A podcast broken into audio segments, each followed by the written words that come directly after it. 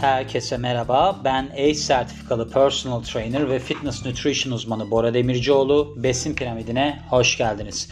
Bu bölümümüzde size çok önemli bir şeyden bahsedeceğim aslında. Bence bölümler içerisinde önemli bölümlerden bir tanesi de bu olabilir.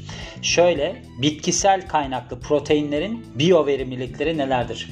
Çünkü biliyorsunuz ben son zamanlarda bu olaya da taktım. Yani semi fasting, işte intermittent fasting, fasting falan gibi şeylere de çok takılmakla beraber Buna da çok takıldım. Neden? Çünkü insanlar vejeteryan oluyorlar, vegan beslenme tarzı benimsiyorlar filan. Şimdi ben hep şunu düşünmüştüm. Biyo verimlilik yani bir proteini sizin vücudunuzun kullanabilme derecesi bu bitkisel kaynaklı ürünlerde çok düşük. Peki bitkisel kaynaklı ürünlerde çok düşükken mesela The Game Changers adında bir şey var. Netflix'te belgesel var. İşte ben bunu daha önceden bir bölümde de anlatmıştım. Arnold Schwarzenegger yapımcılığını yapıyor. İşte Arnold Schwarzenegger diyor ki iyi ki diyor ben buna geçtim diyor çok rahatım diyor falan filan. Tabii milyon dolarlar dönüyor bir şeyler bir şeyler. Dedim ki şimdi orada mesela powerlifter'lar filan var. Yani tamam hani bitkisel olarak bir protein tükettiğiniz zaman bazı şeyler var sindirimine engel oluyor filan. Bunun artıları eksileri neler ve aslında benim düşündüğüm gibi mi? Çünkü normalde şöyledir. Mesela yumurta proteini en iyi sindirilen proteindir. %95'tir onun biyoverimliliği.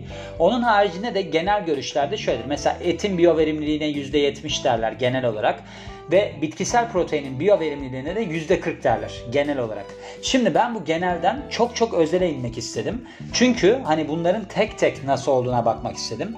Bunun içinde şöyle bir chart varmış yani bir liste varmış. Protein biyoverimlilik listesi gibi bir şey. Bunun adı da Protein Digestibility Corrected Amino Acid Score. PDC AAS gibi yani proteinlerin sindirilme işte amino asit skorları gibi bir şey yani Türkçe'ye tam çevrilmiyor da. İşte bunlara filan baktım ve dedim ki yani bu noktada aslında bazı şeylerde düzenleme yapılırsa evet vegan birisi de spor yapıp çünkü şunlar var. Mesela adam kendini böyle bir tanım koymuş. Ben vegan king filan gibi. E şimdi bunu takip eden birisi bu adamın aldığı proteini işte atıyorum yer fıstığından alan birisi bilmem ne yapan birisi eğer biyo verimliliğini de işin içine katarsak çok yüksek miktarda yemesi lazım. Bir kere işte yağ alması gerekiyor o zaman kilo aldırır falan filan. Bu adamlar fit. Dedim bu arada sen bunun üzerine bir araştırma yap ve araştırmasını da yaptım. Şöyle.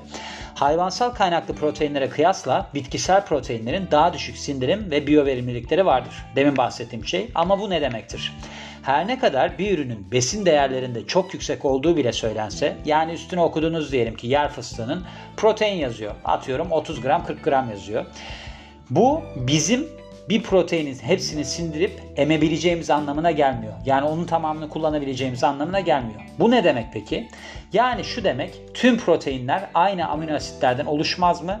Hem evet hem hayır. Buna bakacağız şimdi. Bitkisel bazlı proteinlerin farklı amino asit dizilimleri vardır. Her ne kadar tüm proteinler aynı amino asitlerden de yapılmış olsa dizilimleri ve yapıları farklı olabilir. Bitkisel tabanlı proteinlerin yapıları hayvansal tabanlardan farklıdır. Bitkisel bazlı proteinlerde hayvansal bazlı proteinde görebileceğiniz komple amino asit dizilimi bulunmaz.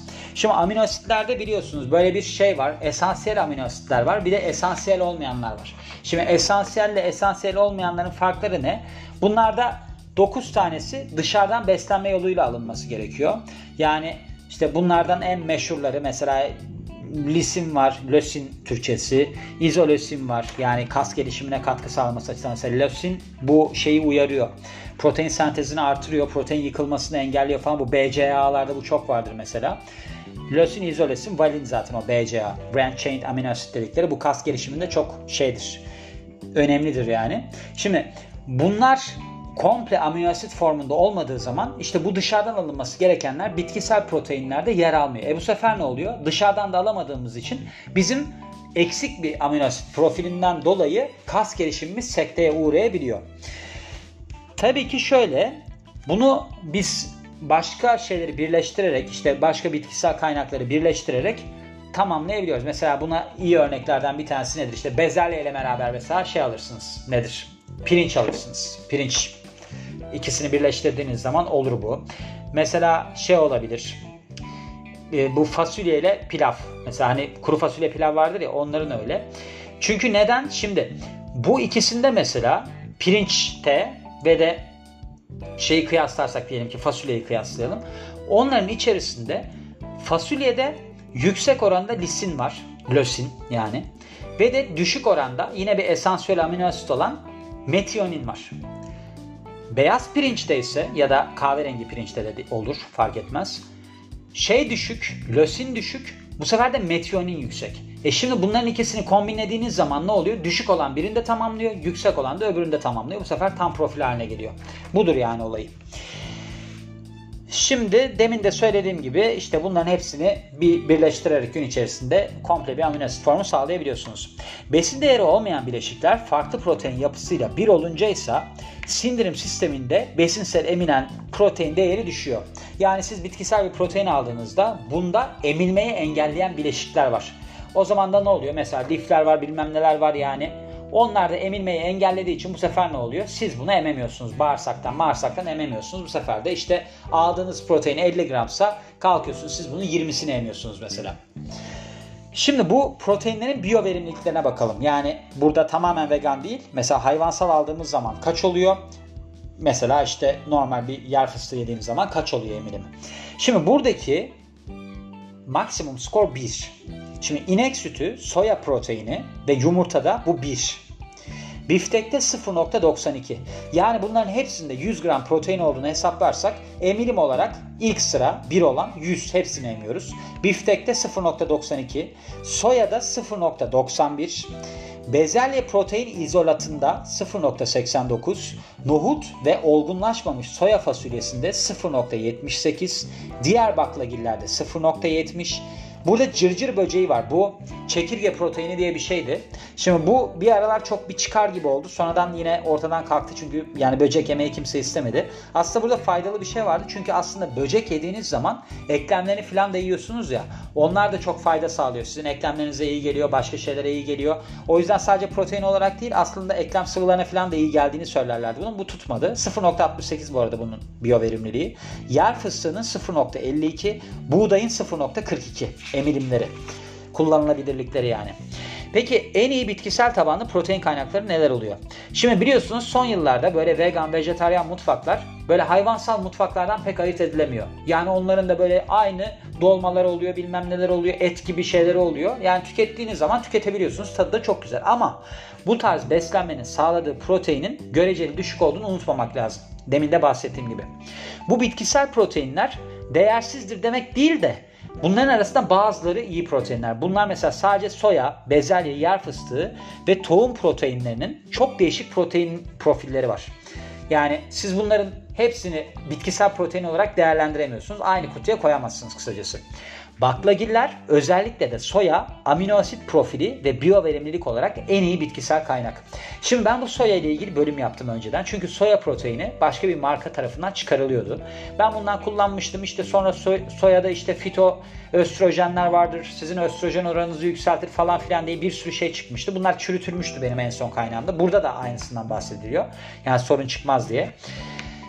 Bitki bazlı protein destekleri daha iyi sindiriliyor? Bakın protein desteği yani protein tozu alıyorsunuz bitkisel bazlı. Soya protein izolatları diyelim buna veya diğer baklagil protein destekleri, supplement diyelim yani. Hayvansal proteinlere son derece yakın olan bir sindirim oranlarına sahip. Neden? Çünkü bu protein izolaları, izolatları heat treatment yani ısıl işlem görüyorlar ve bu ısıl işleme maruz kaldıklarında hani demin bahsettim ya sindirimlerini azaltan bileşikler var onlar %80 etkisiz hale geliyor. Bu sefer de ne oluyor? Bir süt proteini yani kazein kadar kullanılabilir hale geliyorlar. Bu sebeple daha yüksek protein alımına ihtiyaç duyanlar için bitki bazlı protein izolatları dikkate değer takviyeler oluyor. Yani şunu demek istiyorum. Siz bitki formunda tükettiğinizden zaman işe yaramasa bile, sindirimi düşük olsa bile proteini böyle bir toz halinde alırsanız sindirimi artacaktır bunun. Çünkü neden? Orada bir sürü işleme sokuyorlar. O sindirmeye engel olan enzimler, bileşikler, enzim diyorum bileşikler yok oluyor. O zaman da sindirim artıyor. O yüzden faydalı. Bir de işte demin dediğim gibi siz bitkisel kaynaklı olarak alırsanız bunları tamamlasanız bile bir kere iki tane sakıncası var bunun. Liften patlarsınız bunları tamamlayacağım derken çok fazla lif alabilirsiniz.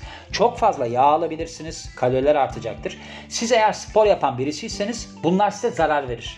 Yani bunlar negatif olurlar. E o zaman komple protein de alamazsınız. Bu sefer ne olur? Sorun olur. Zaten bitkisel proteinlerde demin de bahsettim işte bu lösin çok düşük. Yani diğer hayvansal proteine kıyasladığınızda çok düşük.